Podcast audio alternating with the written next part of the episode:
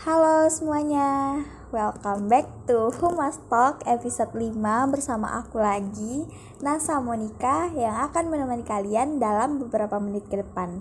Di episode kali ini, kita akan membahas yang katanya Gen Z itu si paling entrepreneur. Hmm, kira-kira bener nggak ya?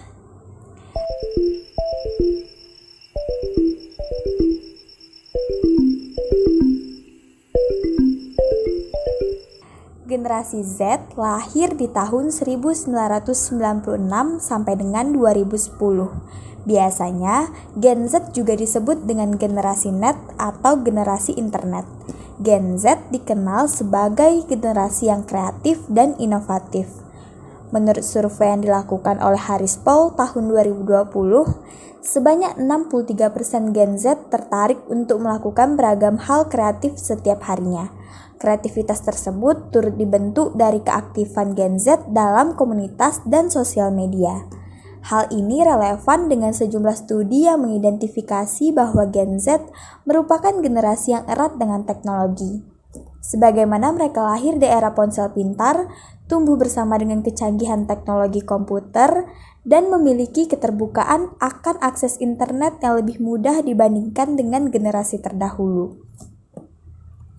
Gen Z saat ini telah mulai memasuki pasar tenaga kerja. Gen Z akan memenuhi lebih dari 20% tenaga kerja dalam organisasi. Meski begitu, hadirnya Gen Z di dunia kerja tidak mendapat respon yang tajam, seiring dengan perhatian organisasi yang terhenti pada generasi Y atau generasi milenial. Akan tetapi, model perusahaan tradisional tampak jauh dari karakteristik yang dimiliki Gen Z Gen Z sebenarnya malah lebih cocok untuk menjadi seorang entrepreneurship. Gen Z juga bisa dijuluki sebagai most entrepreneurial generation. Julukan ini dilekatkan bukan karena tanpa alasan. Menurut studi yang dilakukan Ernest dan Young tahun 2015, terdapat lima perbedaan karakter pokok antara Gen Y dan Gen Z.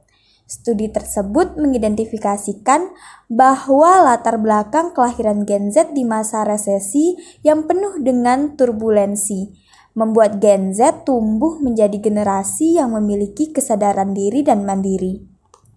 Gen Z diidentifikasi sebagai generasi yang inovatif dan produktif, serta berorientasi pada tujuan dan memiliki cara pandang yang realistis Survei tersebut turut mengungkap fakta bahwa 60% Gen Z memiliki preferensi untuk memulai bisnisnya sendiri dibandingkan dengan bekerja di organisasi.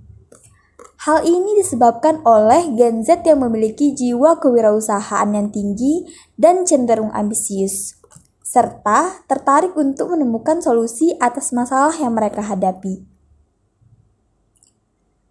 Memiliki bisnis sendiri memang menjadi impian banyak orang saat ini, terlebih bagi anak muda zaman sekarang.